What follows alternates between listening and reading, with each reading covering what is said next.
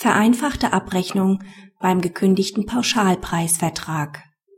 Der Auftragnehmer kann einen gekündigten Pauschalpreisvertrag in der Weise abrechnen, dass er die gesamte Leistung als nicht erbracht zugrunde legt, die ersparten Aufwendungen für die Gesamtleistungen absetzt und bei Fehlen einer Urkalkulation so vorgeht, dass er die Angebote aller Subunternehmer als ersparte Aufwendungen bezeichnet, wenn keine Eigenleistung des Auftragnehmers vorliegt. Gegenstand des Rechtsstreits ist ein Restwerklohn aus einem gekündigten Pauschalvertrag. Die Auftragnehmerin hat bis zur Beendigung des Vertrags keine wesentlichen Leistungen erbracht. Für die ersparten Aufwendungen setzt sie nicht eine Urkalkulation an, die sie nicht hat, sondern die Angebote aller Subunternehmer.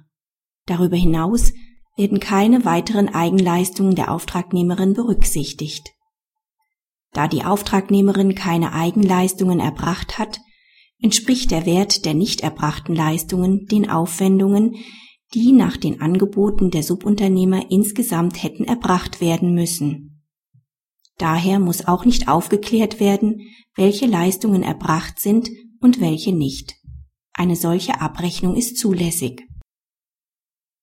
Praxishinweis.